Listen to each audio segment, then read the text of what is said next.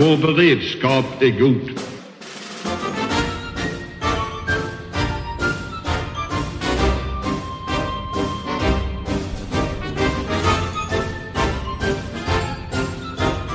Hej och välkommen till Höjd beredskap, en podd från Aftonbladet Ledare. Och jag befinner mig just nu på FOI, Totalförsvarets forskningsinstitut i Kista i Stockholm. Och eh, vi ska faktiskt prata om klimatförändringar, eller i alla fall en effekt av klimatförändringar. När man tänker på klimatförändringar och säkerhetspolitik så handlar det väldigt ofta om eh, att livsmedelspriser som har ökat har bidragit till arabiska våren eller att torka i Afrika har kanske skapat väpnade konflikter eller bidragit till flyktingströmmar och instabilitet. Men den kanske största förändringen som orsakas av klimatförändringar drabbar faktiskt oss. Och det är Arktis. Att områden som i kanske hela mänsklighetens historia under tusentals år har varit otillgängliga för sjöfart, otillgängliga för exploatering, plötsligt öppnas genom att isar smälter, handelsvägar från Asien till Europa öppnas och plötsligt blir just naturresurser tillgängliga. Det förändrar säkerhetspolitiken och det förändrar den globala geopolitiska världsbilden. Och för Sveriges del innebär det stora förändringar.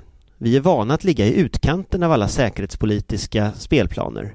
Men genom att Arktis öppnas så ligger vi plötsligt i mitten.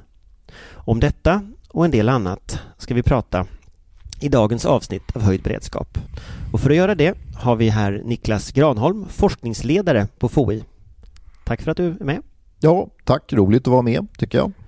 Eh, du har studerat Arktis och säkerhetspolitik i ja, eh, drygt tio år.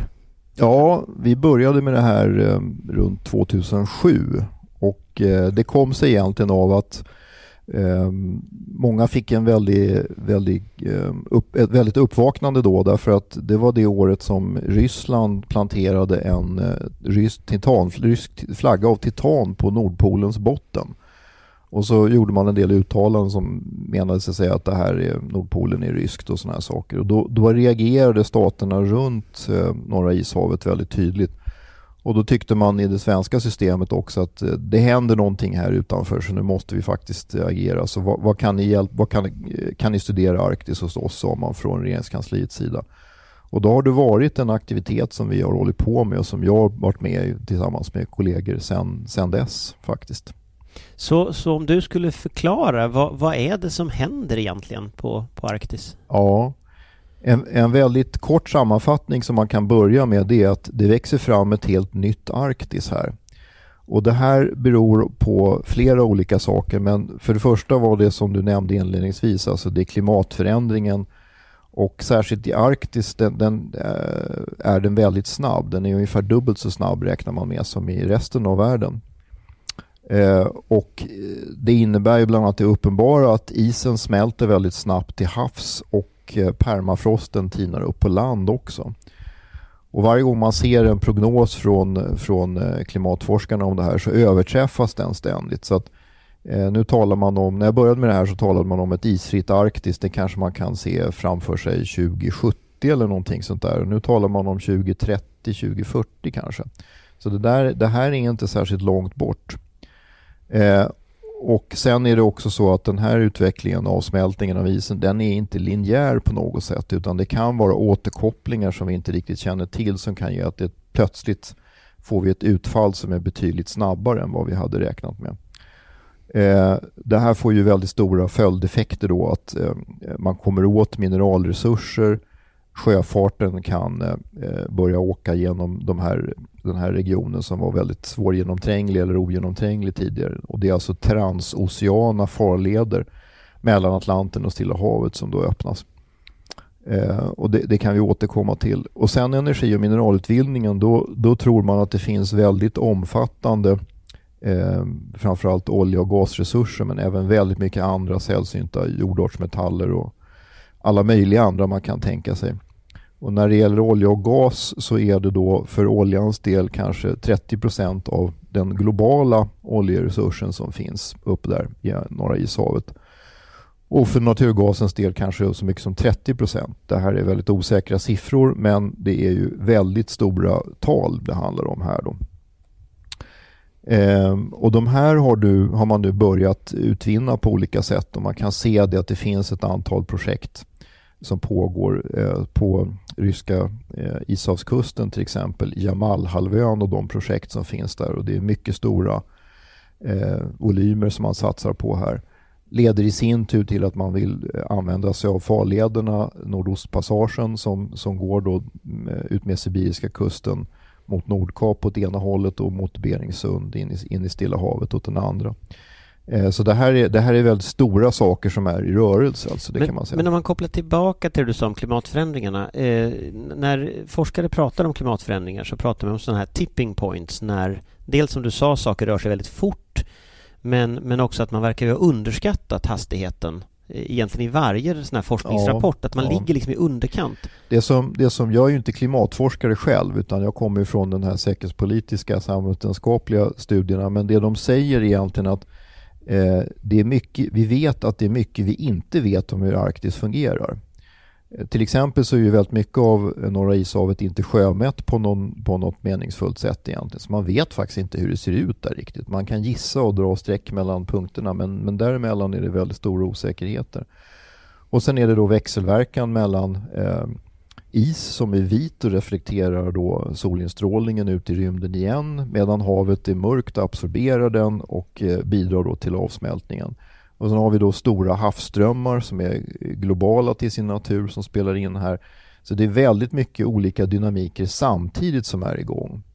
Eh, på landsidan så finns ju en fråga om eh, permafrosten, hur den smälter och när den smälter så finns det väldigt mycket metangas bundet i det här och det är en väldigt kraftig växthusgas. Den är kanske 20-23 gånger kraftigare än vad koldioxiden är men är samtidigt mer kortlivad än koldioxid. Så att det, det är väldigt svåra beräkningar och mätvärden måste göra här. Så att man behöver alltså väldigt långa mätserier och det är ju typiskt med den här delen av naturvetenskapen.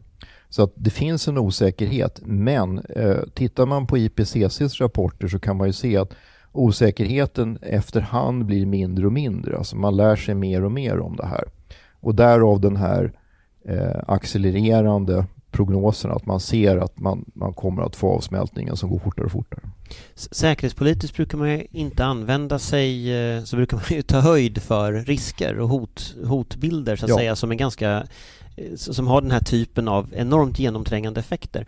Eh, om det blir så att den här förändringen sker på tio år och Arktis är isfritt eh, till 2030 hur stora förändringar blir det som en konsekvens av det när det gäller ja. säkerhetspolitiken? Ja, det är ju ett scenario då. Det är ju, det är ju i sig inte Nej, någon precis. prognos, det utan det är ett scenario. Men eh, det kan ju vara så att säga eh, så att eh, jag tror att jag sa det att det är alltså ett isfritt Arktis sommartid. Det vill säga det är inte permanent istäckt. Eh, ja, då får man ju till exempel eh, den här Nordostpassagen som vi nämnde tidigare. Den öppnas ju då för sjöfart och den är ju framförallt då kort kortare än vad de andra rutterna som man använder nu då. Och den är inte på samma sätt beroende av de eh, choke points som finns som internationella sjöfarten är beroende av. Alltså det är eh, förbi Singapore, Malackasundet, det är Suezkanalen, Panamakanalen och sådana ställen. Utan nu kan man segla norrut här då så att man får flera... Från Kina? Från Kina, alltså Shanghai, Rotterdam eller någonting sånt. Och det, några av de här rutterna är kanske 30-40% kortare än vad de använder idag. Och det är klart att tid är pengar om man är i rederibranschen. Sen på andra sidan då av Nordkalotten så kan, eller och Nordpol, nord, norra ishavet förlåt, så kan man se att där finns ju den så kallade nordvästpassagen som går då Västergrönland genom kanadensiska skärgården förbi Alaska och ut i Beringsund. Eh, där finns det mer is och den har inte, smälter inte lika snabbt men även där tror man att den skulle kunna öppnas. Så då, får man ett, eh, då, då, går den så att säga åt andra hållet eller på andra sidan. Då. Och den tredje då det är en slags, slags nordpolsrutt, alltså egentligen en slags storcirkel rakt igenom Nordpolen, rakt över då. Men då måste rätt mycket mer is ha smält innan det är aktuellt. Eh, sen är det då, kan man lägga teknisk utveckling till det här, att någon kommer att lista ut hur man använder sig av det här. Ska man ha isförstärkta handelsfartyg eller ska man ha eh, konvojer med stöd av isbrytare eller hur kommer det här att se ut egentligen? Det, det ligger ännu i framtiden men, men det, det är med stor möjlighet att man vid någon punkt får en sån, ett sånt genombrott att, att eh, eh nya farleder öppnas. I, eh, ni publicerade ju i höstas, i november, en, en, en öppen sammanställning, en öppen promemoria kring eh, förändringarna som sker säkerhetspolitiskt som en konsekvens av förändringarna i Arktis. Ja. Och, och, och där, den, den, här kommer också finnas tillgänglig på aftonbladet.se eh, ledare så man kan ladda ner den här och läsa. Men, men där pekar ni ju på en stormaktskonkurrens som blir liksom som skärps hela tiden här. Ja. Vad menar ni med detta? Man kan ju välja olika perspektiv när man studerar Arktis men vi, vi tyckte då att det var fruktbart att titta på de, de tre eh, stormakterna i världen idag och det är då Ryssland, USA och Kina. Eh, och det finns, den här studien innehöll en del av det här och det finns tidigare studier också som vi har gjort kring det här. Också tillgängliga på den här hemsidan vi har då. Eh, och där kan man ju se att de här eh, stormakterna är sinsemellan väldigt olika. De fattar beslut och de har väldigt olika traditioner här då. För Rysslands del så är det ju en plötsligt så att de ser att nu har isen börjat smälta av och plötsligt så är den här nordostpassagen tillgänglig på ett helt annat sätt än tidigare. Eh, vad gör man då? Jo, man, man sätter upp eh, planer och strategier för sjöfart och säkerhet och energiutvinning och det har man gjort och, och agerar ut efter de här. Så det där är en av de stora förändringar vi ser då. Eh, och sen är det då USA som då eh, under de senaste tio åren har utvecklat mer och mer av sin eh, Arktisstrategi från en ganska lågt intresse till att det klättrar på dagordningen. Ligger inte högt på något vis. Och det hämmas av den politiska inrikespolitiska polariseringen som man kan se då. Men de har upptäckt det här, att eh, man måste göra någonting åt detta.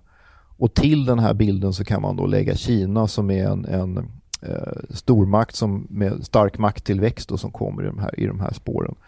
Eh, och vad USA då andra ser det är att det här är, det här är för stort för att vi ska kunna lämna det här åt Ryssland och Kina i utvecklingen. Och det, där kan man se att man agerar. Och tyckte vi att det perspektivet, att vad händer när de här tre, här tre sinsemellan mycket olika stormakterna möts i Arktis? Um, och både USA och Ryssland är ju så att säga arktiska makter i kraft av territorium där uppe, men det är inte Kina. Men Kina definierar sig sen i början på jan januari 2018 som en eh, near Arctic power, alltså en makt som ligger nära Arktis men inte är det. Och sen så har man då en väldig massa aktiviteter, det är forskning och det är sjöfart och det är investeringar och annat som då ska generera rättigheter menar man i det här. Och det tycker eh, USA och i viss mån kanske Ryssland också. Eh, ja, de känner sig rätt tveksamma inför detta kan man säga. Man, man kan säga att jag, många har ju jämfört så här, kampen om att komma först i Arktis med kampen om att komma först i liksom Mount Everest eller komma först i månen. Att det är på något sätt det är en kamp nu som blir också en statustävlan. Vem etablerar sig först? Vem får störst inflytande? Eh, jag var i våras i, i, i Peking faktiskt eh, och där träffade vi just Arktisambassadörerna för, för Kina som, som ju har satt upp eh, dels olika centrum men dels diskuterade helt öppet med oss hur man då skulle ja, hinna först egentligen till Arktis. Så man pekade ut, man skulle, det, det lät i alla fall på dem som att det var allting från naturgas eh, till, till att det handlade om, om eh, lät i alla fall någon slags militär eh, skydd för detta med baser längs liksom den norra ryska kusten som man diskuterade med Ryssland hela vägen ända bort till Norden. Eh, det finns ju det här som, som ofta kommer upp när man pratar om, om eh, om eh, Kina så finns, brukar man prata idag säkerhetspolitiskt om det som kallas för eh, Tukydides fälla. Eh, Tukydides var, var ju en, en, en, historiker i det gamla Grekland som, som pratade om kriget mellan Aten och Sparta. Eh, och, och, han sa en sak, han, han, han, han, sa, han skrev så här för, för 2400 år sedan. Det var Atens uppgång och den fruktan som denna ledde till i Sparta som gjorde krig oundvikligt. Och, och sen har forskarna gått igenom och tittat då och konstaterat att just när det kommer en uppåtgående stormakt som utmanar en redan etablerad stormakt så blir det väldigt ofta krig. Och exakt detta gör Kina nu i Arktis. Eh, och det är många som pekar på att det här kan leda till ganska förödande konsekvenser. Hur ser liksom den här hotbilden egentligen ut? det, det, det, där är ett väldigt bra exempel just. Det finns ju nyligen skrivna böcker om det här också. Graham Allisons Destined for War som jag tror att det är den du, bok du refererar till här som är väldigt omtalad i det här fallet. Det det. Eh, och eh, det är just den uppåtstigande stormakten Kina som, som eh, eh bekymrar då den hittillsvarande eh, makten med hegemoniska aspirationer då i USA. I många avseenden har det varit så sedan 1945. Men det här utmanas nu på olika sätt, bland annat i Arktis. Så det är ju inte den enda arenan där man ser det här då. Men eh, det är ingen eh, brist på kinesiska ambitioner här utan det är full fart framåt. Det, det tycker jag det du sa speglar väldigt tydligt. Och det behöver ju också Sverige förhålla sig till. En del av det här handlar ju om eh, de projekten som kallas för The Belt and Road Initiative, alltså den nya sidenvägen. Och sen några år så finns det också en, en, variant på det här som är den arktiska benet i det här. Polar Silk Road brukar man tala om. Eh, och den går i princip ut med eh, Nordostpassagen. Eh, sen finns det då, eh, då kan man fråga sig vad innebär den här då, om det blir en, en kommersiell sjöfartsled som dyker upp här och hur ska den skyddas och skötas och hanteras på olika sätt och vad tycker Ryssland om det gentemot ett Kina som och den relationen mellan Ryssland och Kina blir ju central här då tror vi så att eh, möjligen kan det komma ny, nya studier om det här längre fram då. Eh, sen finns det då andra kopplingar som ligger precis till öster om oss och det är att som en del av den här Belt and Road Initiative så tänker man sig också ehm, eh, det som kallas för Rail Baltica. Alltså en järnvägsförbindelse som går ner från Polen upp genom de baltiska staterna eh, förbi eh, Finska viken, kanske med en tunnel under Finska viken, genom Finland hela vägen upp till Nordkap, Hammerfest tror jag man tänkte sig. eh, Ehm, och den blir då en, eh, en, eh, en länk i den här eh, Belt and Road Initiative. Och vad, vad innebär det för strategisk påverkan? Ska man bygga det här med kinesiska pengar? Hur har det här sett ut tidigare? Och man kan säga att Kinas politik i Arktis liksom på andra ställen är ju att man har ett, ett sökande efter stödjepunkter på olika sätt. Och man kan se det här i andra delar av Arktis också. Grönland, Island har varit ett tydligt exempel och i någon mån Norge också har utsatts för det här. Eh, liksom Sverige faktiskt också när man för några år sedan talade om Lysekilsprojektet där en jättestor oljehamn som skulle byggas i Lysekil. Lysekina döptes till naturligtvis då på västkusthumorn. Mm. Men om man tänker alltså Kinas eh, sätt att utöva global makt, om man tittar på Sydkinesiska sjön som är ett område där man redan etablerat sig eller om man även tittar sig i relation till Japan där man har konflikt om vissa öar och så vidare. Eh, alltså är det det ni ser framför er även uppe i Arktis, att liksom Kina projicerar makt globalt i vårt närområde? Ja, jag har väl den uppfattningen att det här är någonting vi kommer se mer av på, på lite sikt. För några år sedan så dök ju till exempel kinesiska stridsfartyg upp i Östersjön eh, och man samövade och deltog i olika typer av flottparader med den ryska marinen. Och liknande har skett då på, på, i, i Stilla havet. Så att jag tror att det, det vi får räkna med att ett inslag i den här gatubilden det är ökad kinesisk närvaro. Man har också sett det väldigt tydligt i i Sydatlanten under de senaste åren. Så det finns ju statistik här på hur, hur många fartyg som dyker upp, vilka hamnar man går till, vad man gör där och hur man vill presentera detta.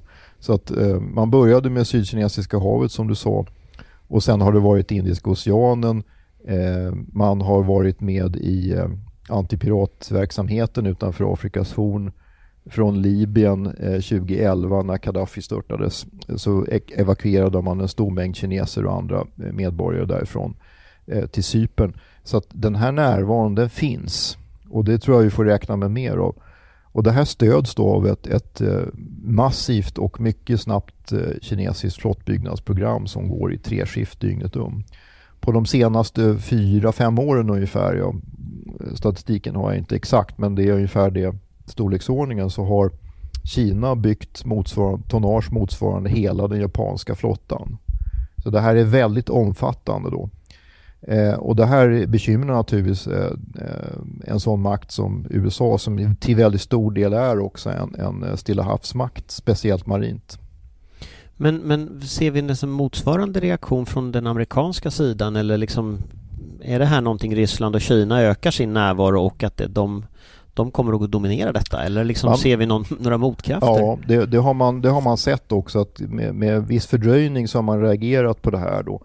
Och eh, till exempel eh, amerikanska flottan då, US Navy som eh, ju har varit den som har varit garanten för eh, havens frihet som vi själva kunnat dra nytta av och, och man kan alltså eh, använda haven för, för handel utan hinder egentligen och det har ju sådana stater som Sverige då haft dragit väldigt stor nytta av då. Vi kan exportera och importera som vi vill därför att det finns inget hot egentligen.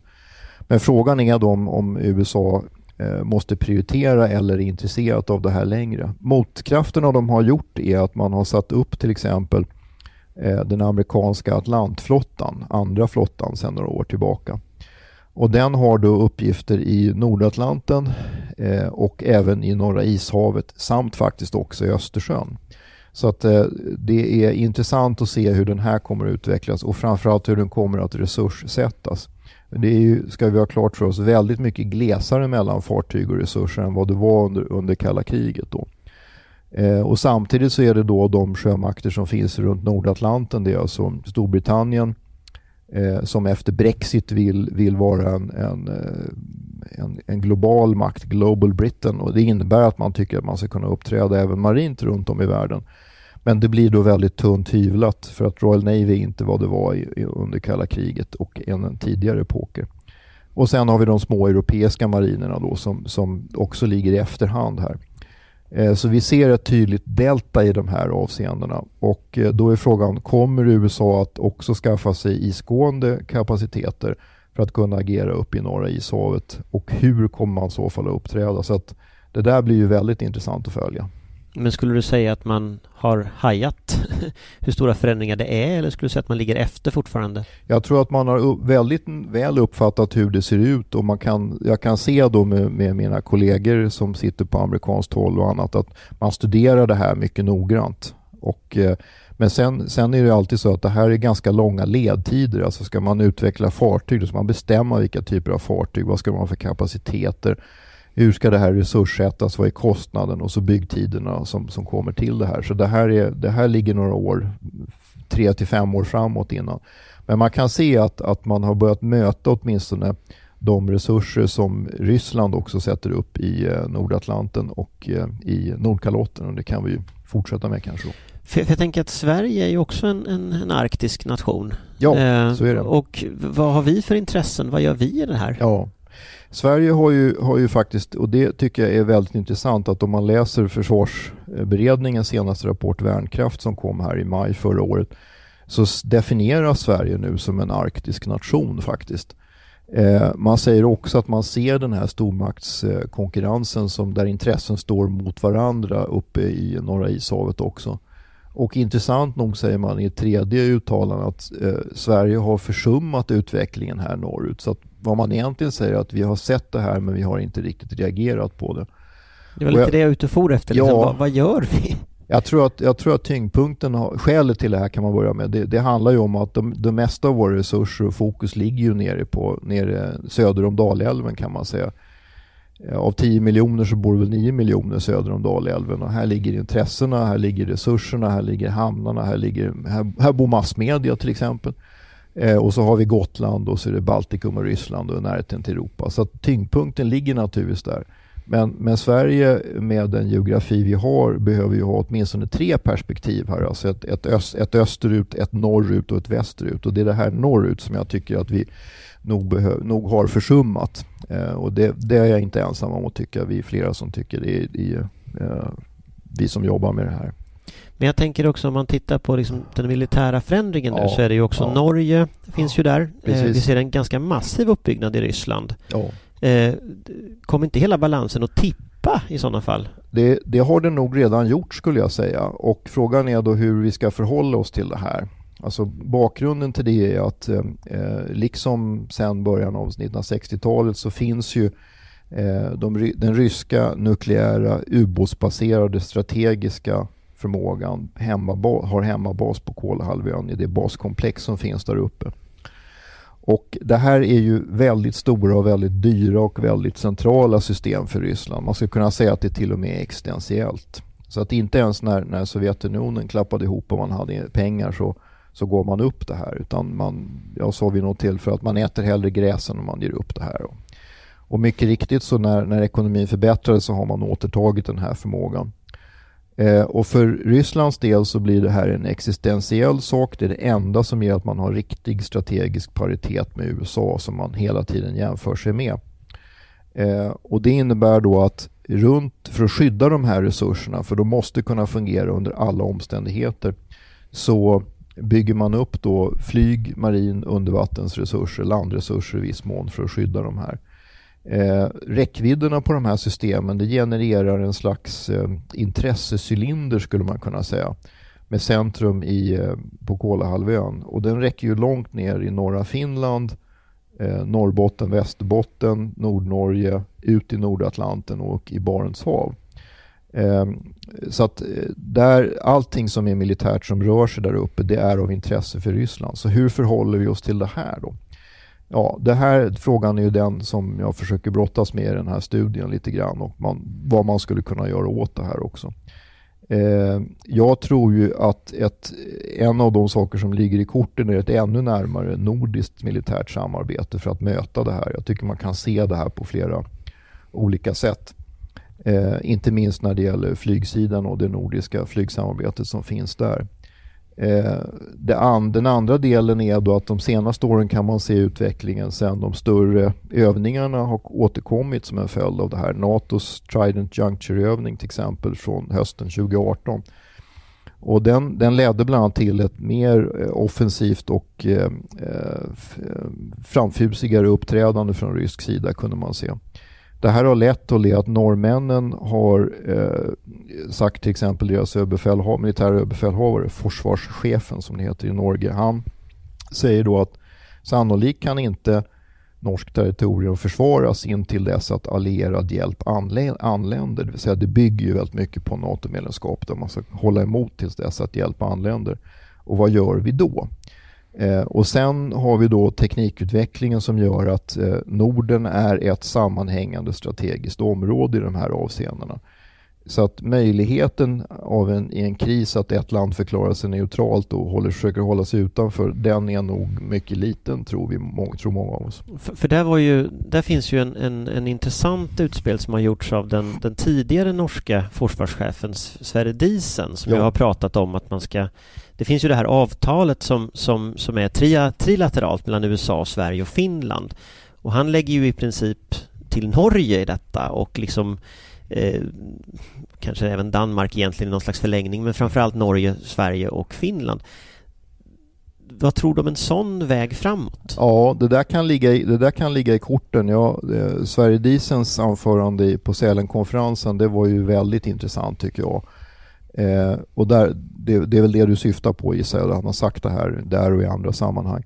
Men just kopplingen Sverige, Norge, Finland och i förlängningen Danmark, den, den tror jag kommer att bli än starkare. Eh, man kan ju se också att svensk försvars och säkerhetspolitik har utvecklats åt olika håll. Då. Det har ju varit av inrikespolitiska skäl så, så eh, som en del vill kan man gå med i NATO men det, det, går inte av inrikespolitiska skäl nu då. Och alternativet till det, det är att man skaffar en antal bi och trilaterala eller minilaterala olika avtal. Eh, ett slags enterhakspolitik skulle man kunna kalla det, så man slänger ut krokar åt olika håll. Då.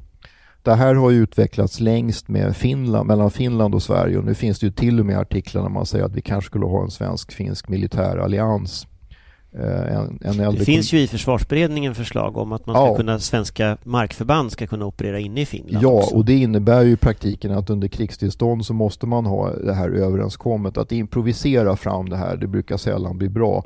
Eh, utan man kanske kan förbereda det här på olika sätt och signalera det för att då kan man också höja eh, tröskeln i en, i en kris också så att man kanske undviker en öppen konflikt. Men om man tänker givet den hotbild som du skisserar i Arktis, ja. eh, är det liksom den vägen som du tänker framåt som, som ett svar på den lösningen? För det är ju en ganska stor förändring så att säga som Sverige i så fall också måste ja. diskutera. Ja, jag, jag är ju on record för ett par år sedan och har sagt att jag tycker att man skulle skala upp framförallt flyg, flygvapensamarbetet mellan Sverige, Norge och Finland här cross-border training arrangement som det heter då, när man är ganska intensivt och har en aktivitet varje vecka eller någonting sånt. Det skulle man kunna växla upp till någonting i övrigt. Och sen har man ju en öv övningsserie då mellan flygvapnen som, som heter ACE. Alltså Arctic Challenge heter den då. Men den, den, det är alltså en viss klass på det här så då kommer andra länder hit också. Det är ju ganska stora territorier så det finns mycket att åka på jämfört med resten av Europa. Så det tror jag kommer vara en del som vi kommer att få se mer av. Men det här är saker som redan har inletts för att försöka möta det här. Men om man ska vara lite kritisk då, så hela det trilaterala med Finland, det bygger ju egentligen på att USA hinner hit. Ja. eh, om USA då inte har etablerat sig i Arktis på det sättet, mm. ja. är det någon mening så att säga att samverka de här tre länderna om USA ändå inte ja. Är liksom jag, investerad i det? Men, jag, men jag, jag, tror att om man tittar på hur det ser ut så, så kan du se också att bara de senaste åren så har ju till exempel amerikansk närvaro i Norge ökat. Alltså det är dels Trident Juncture och det var ju det som är väldigt omfattande som man ska lägga märke till. Det var storleken på den här övningen. Det var ju en nivå med de större kalla kriget-övningarna. Man seglade upp med en hangarfartygsgrupp där. Det är alltså 80 flygplan eller någonting sånt. Så det, det mer än dubblade... Det hela, hela vårat flygvapen. Ja, det dubblade Norges flygvapen kan man säga. Så det är väldigt kraftiga, kraftiga system som börjar röra sig här på olika sätt. Eh, intressant så finns det vissa likheter med hur det här såg ut under 1980-talet. Att man balanserade ut den sovjetiska marinen i Norska havet på olika sätt med, med en marin strategi. Då. Så frågan är om det här, det här kommer vara det vi ser i, i korten mera då. Eh, och sen närvaro då i Östersjön som har varit väldigt tydligare samt i Baltikum på det sättet. Samtidigt är den så liten ändå så att den, den är ju en tröskelförmåga. Den, den har ju inte så att säga i ett grundläge någon offensiv kapacitet att tala om egentligen. Utan det här gäller att försöka i en kris stabilisera, vara en tröskelförmåga för att undvika en öppen konflikt. Så det är inte så att man liksom vill automatiskt gå, gå till offensiv här inte. Men, men, men, om man tittar på Arktis som område, det är ju ett, ett stort område som, ja. som vi pratar om. Ja. Vad är det för område i Arktis vi pratar om då som liksom ligger i Sveriges på något sätt omedelbara ja, intresse? Precis, det, det, är bra att du säger det därför att tittar man, tar man ett, ett, eh, zoomar man ut och tittar på hela Arktis då får man ju en bild och en vissa frågor men det är ju också, består ju av flera olika regioner. Och det vi har pratat om här det handlar ju om Nordkalotten och Nordskandinavien och de sammanhang som finns där och det räcker kanske över till, eh, över till Grönland och, och Nordatlanten också. Så, där, så där, det är ishavet egentligen? Det är som ja, man resten säger. är ju norra ishavet. Då kan vi komma in på definitioner. Vad är det för sorts Arktis man pratar om då? Och man kan ju, det finns ju flera olika definitioner som används här. En är ju eh, polcirkeln egentligen, alltså 66,33 nord. Allting norr om det är, är Arktis och då inkluderas ju vissa saker men annat är utanför. Eller är det eh, 10 grads isotermen i juli, alltså när det är så 10 grader varmt eh, genomsnitt och då, då blir det en annan linje. Eller är det trädgränsen eller där folk bor eller politisk betydelse eller är det allting som en definition jag sett i Ryssland att allting norr om Transsibiriska järnvägen det är Arktis det. Eh, eller om man väljer en annan geografisk breddgrad helt enkelt. Jag brukar använda eh, 60 grader nordlig bredd det vill säga för Sveriges del börjar Arktis i Tierp. Men det betyder att då får man med hela Grönland, Island, Alaska, relevanta delar av eh, eh, Sibirien och eh, de delarna plus en del av den här politiska dynamiken som, som jag tycker är, mest, mest intressant för, för det perspektiv som jag har valt. Då. Men om man använder den bilden då får man ju egentligen hela den norra Atlanten så att säga utanför Sverige. Där. Ja, precis. Finns det någon strategisk möjlighet som du ser det till att vi ser avspänning snarare än upptrappning i regionen? Jag tror att vi inte är framme vid avspänningen än. Den generella bilden är väl i så fall att när bägge kontrahenterna eller flera kontrahenter ser att man har nått någon form av, av rimlig balans styrkemässigt, då kan man börja diskutera förtroendeskapande åtgärder, eh, nedrustning, rustningskontrollavtal. Men där är vi inte än eller? Jag tror inte vi är där än, nej. Och en del av det här handlar ju om just eh, Rysslands politik som ju man kan hårt sammanfatta och säga att man ägnar sig åt att försöka splittra EU-Europa så gott det går och helst bryta den transatlantiska länken. Eh, och det handlar ju om då att man vill återta en, en stormaktsroll som man eh, upp, anser sig ha förlorat med Sovjetunionens fall. Då. Så att det här är ju inte bara en militär utan det är en påverkansoperation som pågår ständigt här i många avseenden. Vi såg ju till exempel bara häromdagen så hade ryska utrikesministern Lavrov uttalat att man, Ryssland var mycket missnöjt med hur Norge uppträder på Svalbard. Alltså man tycker att de naturskyddsåtgärder som eh, Norge sätter upp enligt Svalbardstraktaten från 1920 är oresonliga. Man vill ha större utrymme och så vidare. Det här är någonting som Ryssland håller på med ganska länge då påpekade att egentligen så var faktiskt Ryssland först där på, redan på 1600-talet med fångstmän och sådär. Så att, eh, och vi skrev visserligen på, eh, Sovjet, eh, Sovjet skrev på Svalbardstraktaten 1920 men det var den unga Sovjetstaten och den var ju under tryck och så vidare. Så att egentligen så trivs vi inte med det här.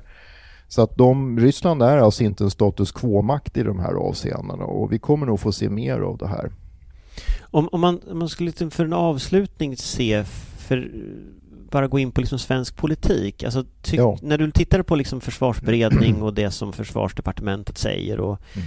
den här rapporten som vi pratade om förut är ju beställd av Försvarsmakten också, så att säga. Ja. Det, är ju, det är ju en del av deras underlag.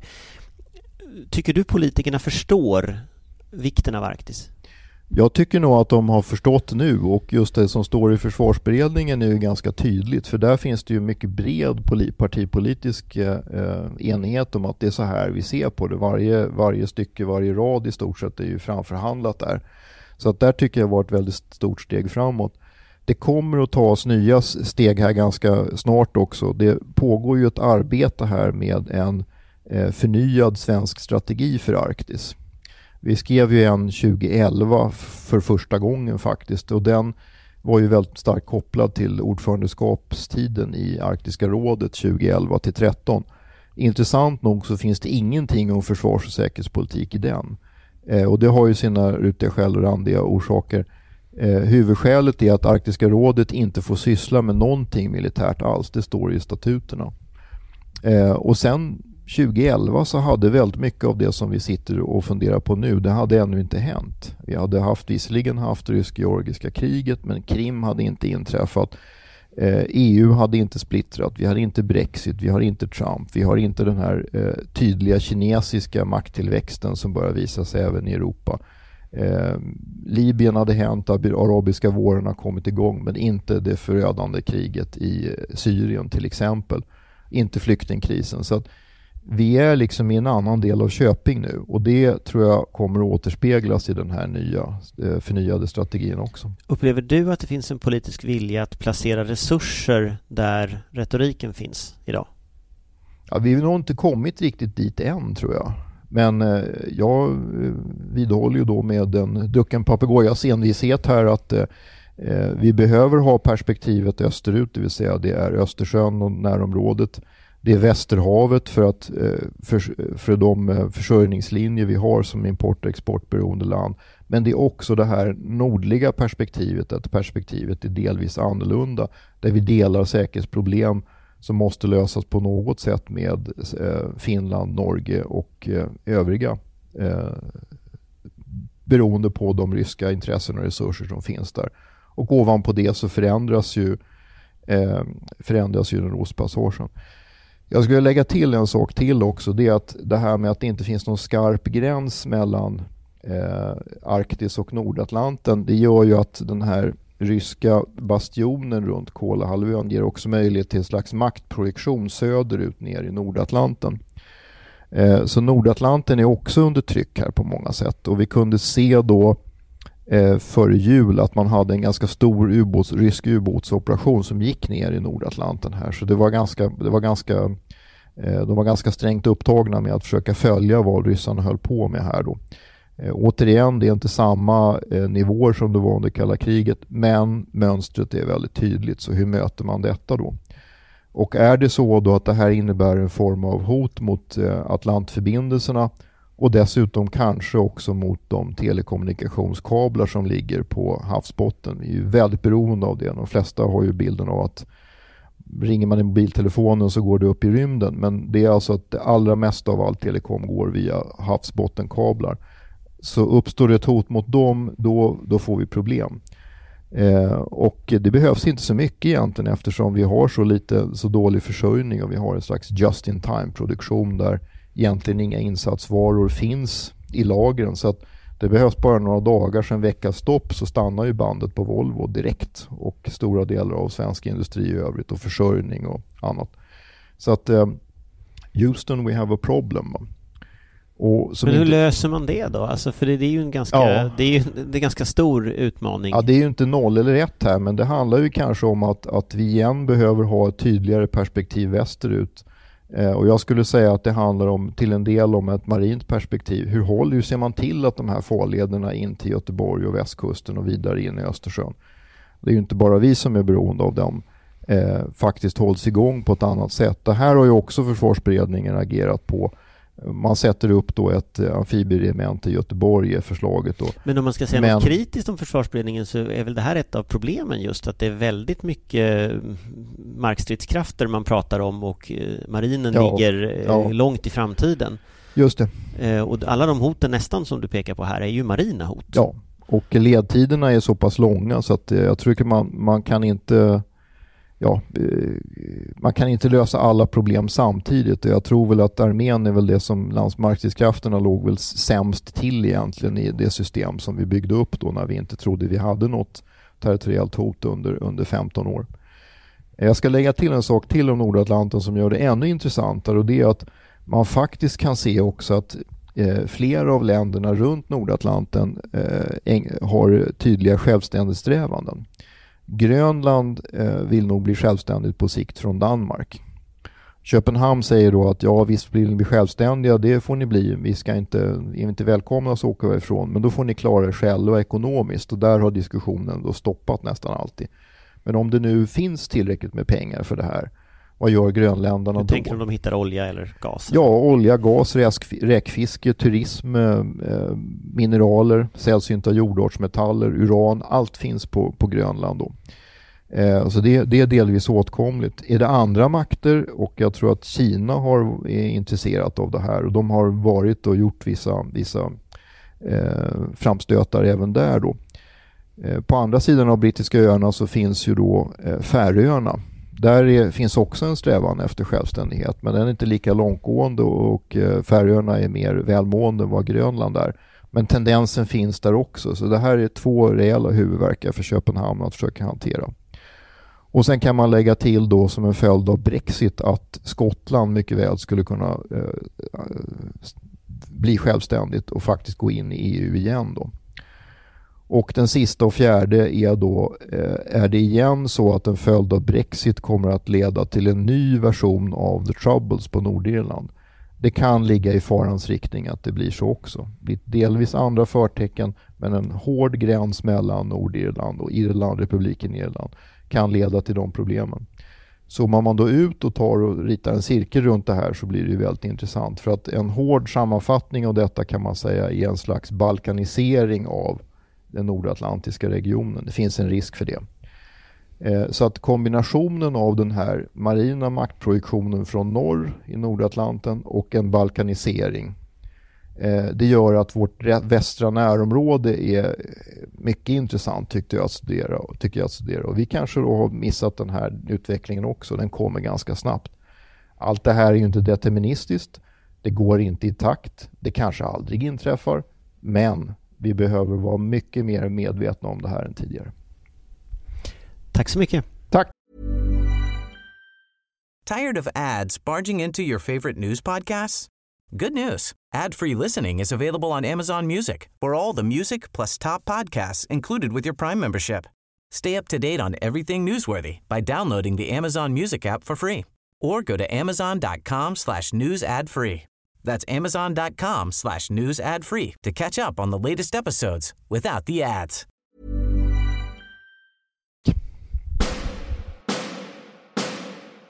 Vår beredskap är god. Ja, eh, då är vi tillbaka i eh, våran studio här på Aftonbladet. Eh, Amanda finns med oss från, från Lund, tror jag, eller om det är Malmö? Malmö. Malmö. Och, eh, och Annika är med från ett soligt Falköping. tror jag. Eh, sådär soligt, men Falköping är det. Sådär soligt, ja. Eh, jag, jag, tänkte att vi, vi, kan väl börja här i studion eh, lite. Nu har vi hört Niklas Granholms så att säga, beskrivningar och förklaringar. Om man vänder mig till Johan, varför är det här viktigt? Ja, det är därför att det förändrar landskapet. Vi har en stor kommande supermakt i form av Kina som etablerar närvaro i det här området i och med att eh, isarna smälter. Eh, och det, där har Kina två intressen. Det ena är rent ekonomiska, då, att förkorta transportvägarna till Rotterdam och den europeiska marknaden. Och den andra är ju då att rent strategiskt inte göra sig beroende av, precis som Niklas var inne på med Malackasundet och, och eh, Suezkanalen och de passagerna, förträngningarna som finns där.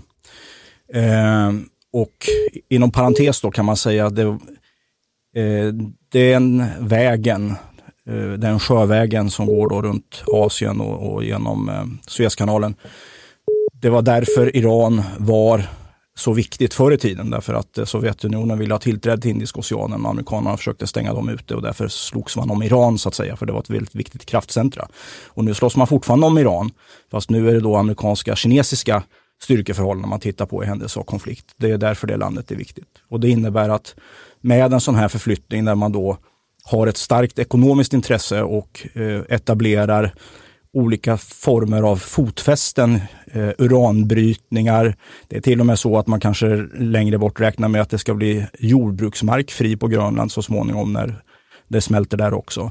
Vi har sällsynta jordartsmetaller som yttrium på, på, på Grönland. Vi har eh, geotermisk eh, energi på Island. Man försöker få tillträde till djuphavshamn på Island och sådana saker. Man flyttar fram de här positionerna då blir ju det här området jättestrategiskt för stormakterna och framförallt för Kina. Så det är en sån sak vi ser framför oss. Eh, Ryssland har ju delvis andra intressen. Då. Dels så var ju Niklas inne på bastionen här, då, som säger det här bassystemet för att skydda då andra slags, andra slags förmåga med kärnvapen. Det i sig är alltid varit, ett, ett, sen man var etablerad där uppe, ett stort starkt intresse. Men man har också en resursbetoning i den eh, ryska doktrinen. Därför att man ser att jordens befolkning ökar så kraftigt och att resurserna inte kommer räcka till. Och då finns det väldigt mycket resurser i det här området. Inte bara olja och gas utan även fisk. Det finns eh, timmer. Det finns, I norra Sverige har vi rent vatten. Eh, det finns mineraler. I, i, pratar ju norrmän här om att de kanske hittat eh, mineraler till ett värde på tusen miljarder vid Svalbard exempelvis. Så att det är en annan dimension i det hela. Så att det är så att säga en ekonomisk politisk utveckling vi kan se framför oss eh, som sker då steg för steg. Men, men hur, hur robust närvaro kommer man att etablera? Alltså tittar man på Kina till exempel i Sydkinesiska sjön så har man ju så byggt öar, man har ju utökat sina territorialvatten med ganska fula metoder. Är det den typen av utveckling vi kommer att se eller liksom är det någon annan slags utveckling? Kanske inte artificiellt så, men, och det är därför det är så viktigt. De har ju inte etablerat någon som helst, det finns ju inget internationellt konsensus, det är ingen som erkänner det där.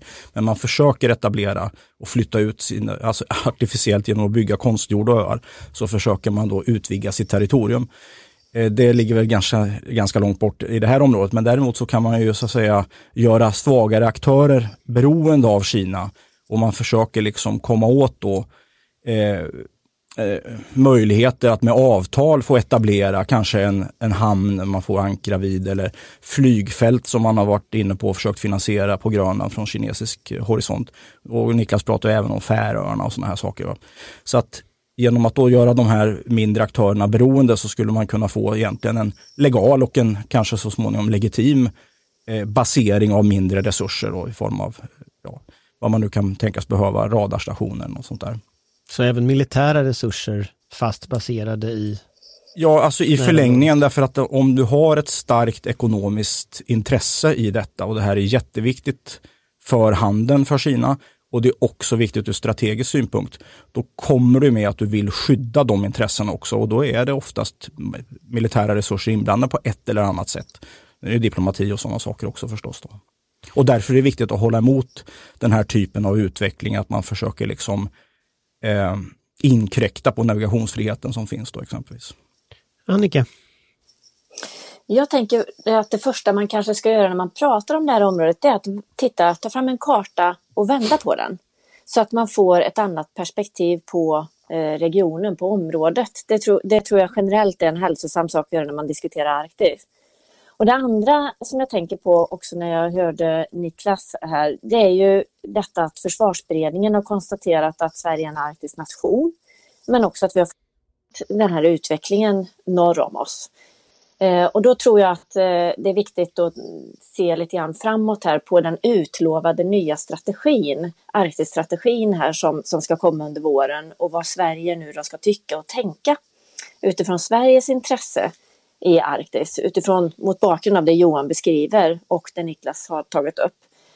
Eh, och där är vi väl inte bäst i klassen. Ja, vi är kanske jättebra på att skriva fina dokument och strategier och så. Hur man bör tycka och tänka och fläta ihop allt från klimat till de säkerhets och försvarspolitiska dimensionerna. Men att omsätta det i praktisk handling och en handlingsplan som koordinerar Sveriges intressen mellan våra myndigheter, mellan våra olika tunga aktörer här. Där eh, finns väl lite grann övrigt att önska. Och då skulle väl jag, kanske kommer vi in på det lite senare i samtalet här, men tycka att vi ska eh, titta lite väster om oss på Norge och det vaknade, nyvaknade, delvis kanske norska intresset av att fläta sig samman med Sverige och Finland i den här dimensionen.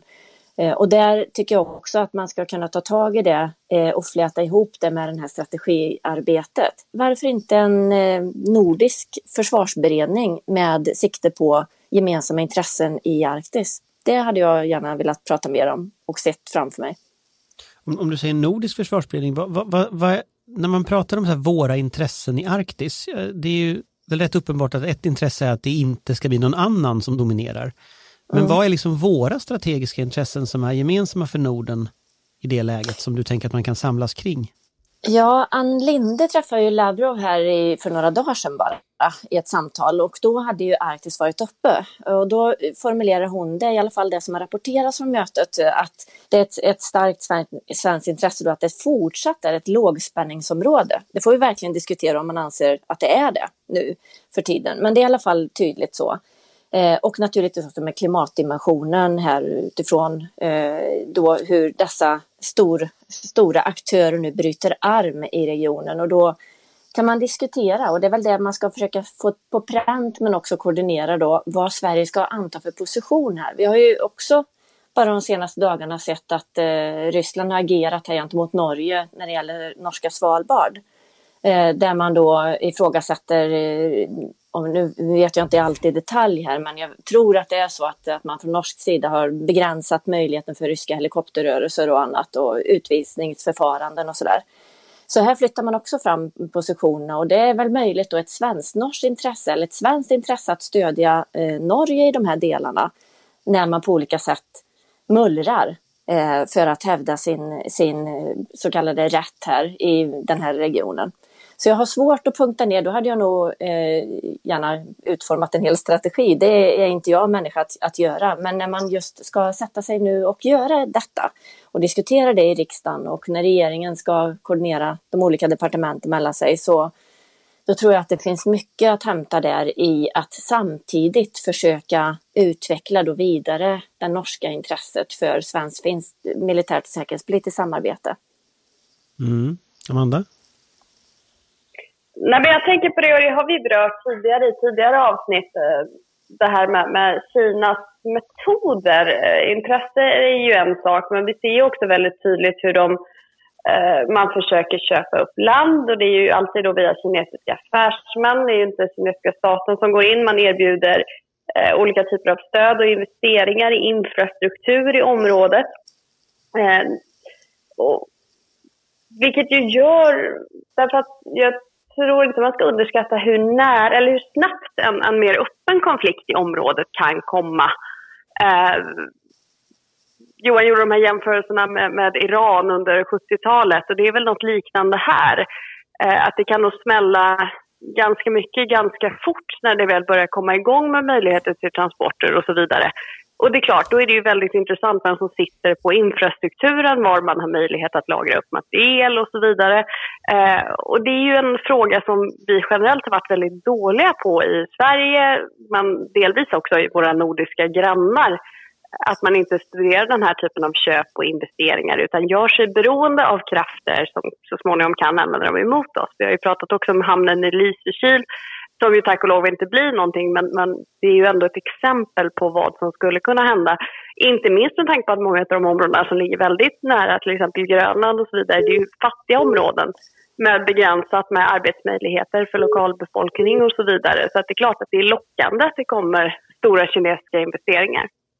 Eh, och det är nog ett problem vi kommer behöva ta hand om ganska omedelbart. Mm, ja, och, och koppla tillbaka till det här med eh, eh Iran och 70-talet och sånt. Det här innebär ju, Norge exempelvis då med sin långa kust, eh, gör ju att man kan ju, det spelar ingen roll om, om man i skydd av eh, ryska stridskrafter kan transportera gods om man kan bli blockerad vid Norge och därför kommer Norge vara väldigt utsatt av kinesiska påtryckningar och därmed också Sverige eftersom vi ligger där vi ligger och ett så stort land. Och, och så, så det är också viktigt att ta med sig. Men jag tänker det, det som Annika sa med, med, utifrån Ann Linde där, att det är målsättningen ska vara ett lågspänningsområde. Eh, om man lyssnade på Niklas så sa han ju egentligen att det, det var närmast ett högspänningsområde. Att det, det var ju en lång rad stormaktskonflikter som både bubblade under ytan och som redan hade kommit upp. Och, och jag frågade honom specifikt om han såg liksom någon möjlighet till avspänning, för det var ju lite det här jag hade i åtanke och det gjorde han ju inte. Nej, jag delar den uppfattningen också. Det är ju tre stormakter som kolliderar här. Det är tre liksom plattor som rör sig mot varandra och då blir det liksom stora friktioner. Absolut. Men om vi tittar framåt eh, utifrån det som Annika säger här också med, med, med en, en nordisk försvarsberedning eller någon form av samarbete kring de här frågorna. Alltså hur, hur ser ett realistiskt scenario ut? Vad är det som kommer att hända om vi tittar liksom på några års sikt? Eh, enligt de här klimatstudierna så pratar vi om ungefär tio år, vad vi är inne på här, eh, innan det är liksom isfritt på somrarna. Eh, och då är ju det här redan på plats. Eh, några resurser tills dess har vi ju inte. Ja, och det är svårt, och mycket är beroende av vart USA tar vägen och USAs förhållande till Europa, den transatlantiska längden, länken. Är den intakt, då, då kommer det här mota sig. Men eh, försvagas den ytterligare, då kommer vi få se framryckande kinesiska och ryska intressen i det här området. Och då ska man också dessutom lägga till att vi har ju territoriella frågetecken här också. Vi vet ju det här med kontinentalsocklarna och Ryssland har gjort expeditioner med ubåtar och sagt flaggor på botten för att liksom markera revir. Eh, Ryssland eh, ifrågasätter ju nu indirekt egentligen Svalbardtraktaten och det finns andra områden här uppe som, som inte är helt glasklart. Eh, eller det finns åtminstone en, en udd av tveksamhet som man liksom kan spä på. Och det är ju ett modus operandi som Ryssland har bland annat då att ta sig för sådana områden där det är liksom, vad är Sydostasien för någonting? Eh, vad är Krim, vems är det egentligen? Och skapa tveksamheter kring detta. Eh, och det kan man då utnyttja i ett sånt här läge. Så att på kort sikt och medellång sikt så kommer det nog förvärras tills vi vet vart USA tar vägen. Men apropå Lindes citat så tycker jag väl också, jag menar det är klart att det finns en diplomatisk eh, dimension i det här och hon måste uttrycka sig på ett visst sätt. Men det säger väl också kanske en del om hur oförberedda vi är på den här utvecklingen. Därför att eh, lågkonfliktområde, det, det, det passerade vi för fem år sedan. Det är liksom inget, det är inget alternativ längre. Eh, och det, det, är en ny verklighet även här som vi måste anpassa oss efter nu. Mm. Jag skulle vilja dessutom göra en liten lätt invändning mot Annikas beskrivning där att vi kan tota ihop strategier. Jag skulle säga att vi inte kan det, för vi kan inte resurssätta det. Vi sätter upp en massa mål, det är vi jätteduktiga på att formulera. Men att avsätta resurser för att upprätthålla det, där brister det. Vi har ju liksom avvecklat, vi la ner Kiruna, vi bantade ner Arvidsjaur till minimum, vi har dragit ner Boden massor på militära resurser. Norrmännen är inte mycket bättre eh, på det sättet. De har liksom, nu när den här fregatten sjönk här, Hel Helge Ingstad, så har de fyra fregatter kvar och så en handfull ubåtar. Det är vad de kan sätta upp marint så att säga. De har inte heller tänkt till på det här. Så att det, vi ligger i efterhand där.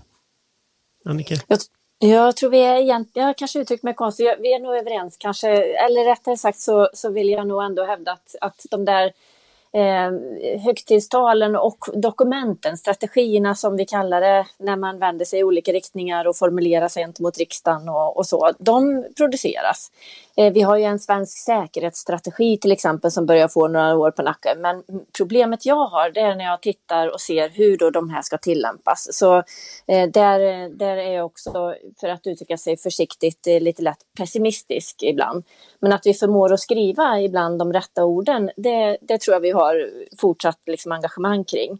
Eh, jag vill ta upp ett spår som, som Niklas Granholm tog upp och jag tyckte han uttryckte bra när han beskrev det att vad man försöker sig på nu det är att hitta, man söker stödjepunkter.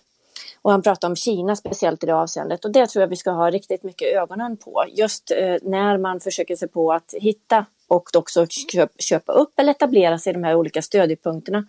För där kommer det finnas olika, eller det finns olika intressen. Vi har en, eh, i de norra delarna om vi pratar eh, eh Skandinavien, problem med utveckling, stora liksom, områden där vi får eh, folk som flyttar ifrån in mot städer. Här längtar man efter investeringar, efter pengar som ska in och efter möjligheter att fortsätta leva och bo och eh, försörja sig.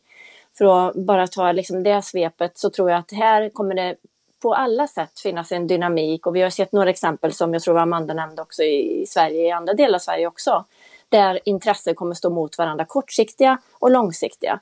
Och den här förmågan att gripa in då och brutalt eh, då gentemot eh, eh, kanske ganska många som tycker att det vore en bra idé med dessa eh, för att man tjänar på det på kort sikt. Det där kommer vi få brottas mycket med framåt på olika sätt tror jag. Och lägg då påverkanskampanjer och annat eh, härligt i den kompotten så, så ska vi inte förglömma att det där är en toxisk mix. Men det känns väl lite som, eh, för, för Niklas Granholm gick ju så långt så han pratade om balkanisering i, eh, i Arktis. Att han såg ju framför sig liksom Grönland kunde bli självständigt, eh, Färöarna, Skottland. Och där har ju öppnat ju stora möjligheter för Kina att etablera sig. Och alla de där vill ju ha pengar. Så det, och det vet vi ju liksom historiskt hur Kina har agerat. Så det är klart att här finns ju en, det är ju vidöppet på ett sätt om den utvecklingen fortsätter. Och en dynamik som man naturligtvis är väldigt, och särskilt öster om oss, eh, finurlig och duktig på att utnyttja. Ja, det såg vi inte minst i Brexit-omröstningen hur antagligen ryska intressen på olika sätt var inblandade. I en, i en skotsk självständighetsomröstning så är det klart att vi skulle se något liknande och i liksom den typen av stämningar så skulle vi naturligtvis se man söndrar och härskar så att säga, från de, de länderna, tänker jag. Ja. Och det ser man ju också på Trumps utspel här om att köpa Grönland. Det kan vi ju skratta åt, men det var ju naturligtvis ett uttryck för ett strategiskt intresse och ett strategiskt yrvak eh, uppvaknande egentligen från amerikansk sida. Det finns ju amerikanska krafter som har sett det här komma, men de har inte haft något genomslag så att säga i formuleringar av doktriner och därmed också resurser. Nej. Ja, det var vad vi hade att säga tror jag, härifrån. Eh, då tackar jag för det och eh, då kommer det nu en krönika av Patrik Oksanen. Tack för oss. Tack. Tack. Tack.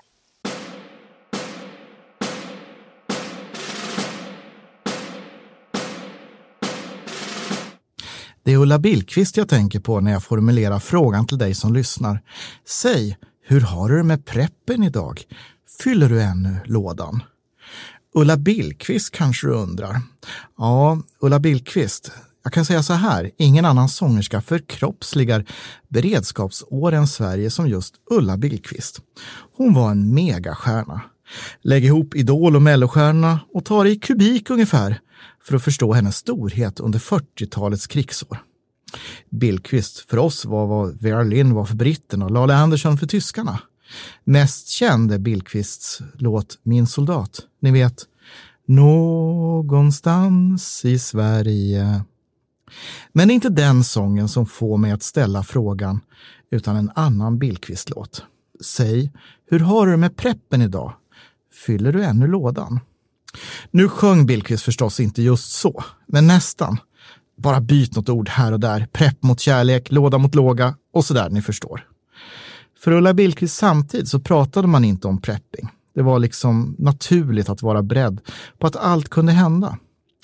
För det första låg ju inte svältåren på 1800-talet så där rysligt långt bort i mannaminne. Mer närliggande var förstås hungerkravallerna under slutet av första världskriget. Och när Europa stod i brand visste ingen när kriget kunde komma. Att se till att ha reserver hemma för att klara alla eventualiteter var inget konstigt. Det fanns också en självklarhet att ensam inte var stark och man behövde varandra för att klara kriser. Dessutom gjorde krigshotet att många levde med packad väska. Den första broschyren om kriget kommer delades ut 1943 och där fanns ingen rekommendation om hur man skulle fixa sin prepp. Det var antagligen så självklart att man redan hade gjort det. Däremot en massa information om krigets lagar, vad som förväntas av medborgare under krig och sånt där. Och så orden varje meddelande om att motståndet ska uppges är falskt. Om vi hoppar till våra dagar så kom den senaste om krisen eller kriget kommer 2018. Och det är här som min fråga kommer in. Hur har du det med preppen idag? Har du så att du kan klara dig själv och din familj om strömmen går, om coronaviruset härjar, vinterstormen lamslår landet eller om kriget kommer? Att vara preppad, beredd på det oväntade. Om du kan klara en kris ökar du samhällets motståndskraft eftersom samhället behöver tid för att hantera krisen. Och då krävs det att du gör din del under tiden, hjälper andra eller åtminstone fixar det själv utan att belasta de resurser som finns. Och i broschyren som du fick hemskickad finns en massa matnyttigt. Vet du inte i vilken byrålåda du la den i kan du ladda ner den via MSB, Myndigheten för samhällsskydd och beredskaps hemsida. Och via matnyttiga Din säkerhet, lätt att komma ihåg, dinsäkerhet.se, eller ja, om vi ska vara mer exakt då, dinsakerhet.se, inga prickar på nätet du vet. Och sen är det ju bara att skriva ut den. Där har du en checklista som hjälper dig att ordna din hemberedskap. Du får hjälp att tänka på mat, vatten, hygien, värme och så vidare. Lätt som en plätt. Och så är du så mycket mer beredd om det du inte kan tänka dig händer. Det som är så otroligt osannolikt så att egentligen har det nog inte hänt. För att låna från Tage Danielssons monolog om kärnkraftsolyckan i Harrisburg. Så säg, hur har du med preppen idag? Fyller du ännu lådan med konserver och andra saker du behöver när Pressbyrån har stängt, Konsum bommat igen och Sibylla har slut på korv? Klarar du 72 timmar? En vecka? Två veckor? Har du medicinerna du behöver? Nedskrivna telefonnummer? Vevradio? Har du vattendunkar, sopsäckar och handsprit? Har du en plan på vart du kan ta vägen om du måste lämna hemmet? Allt det och lite till gör både dig och samhället lite starkare, smartare och bättre. Så säg, hur har du det med preppen idag?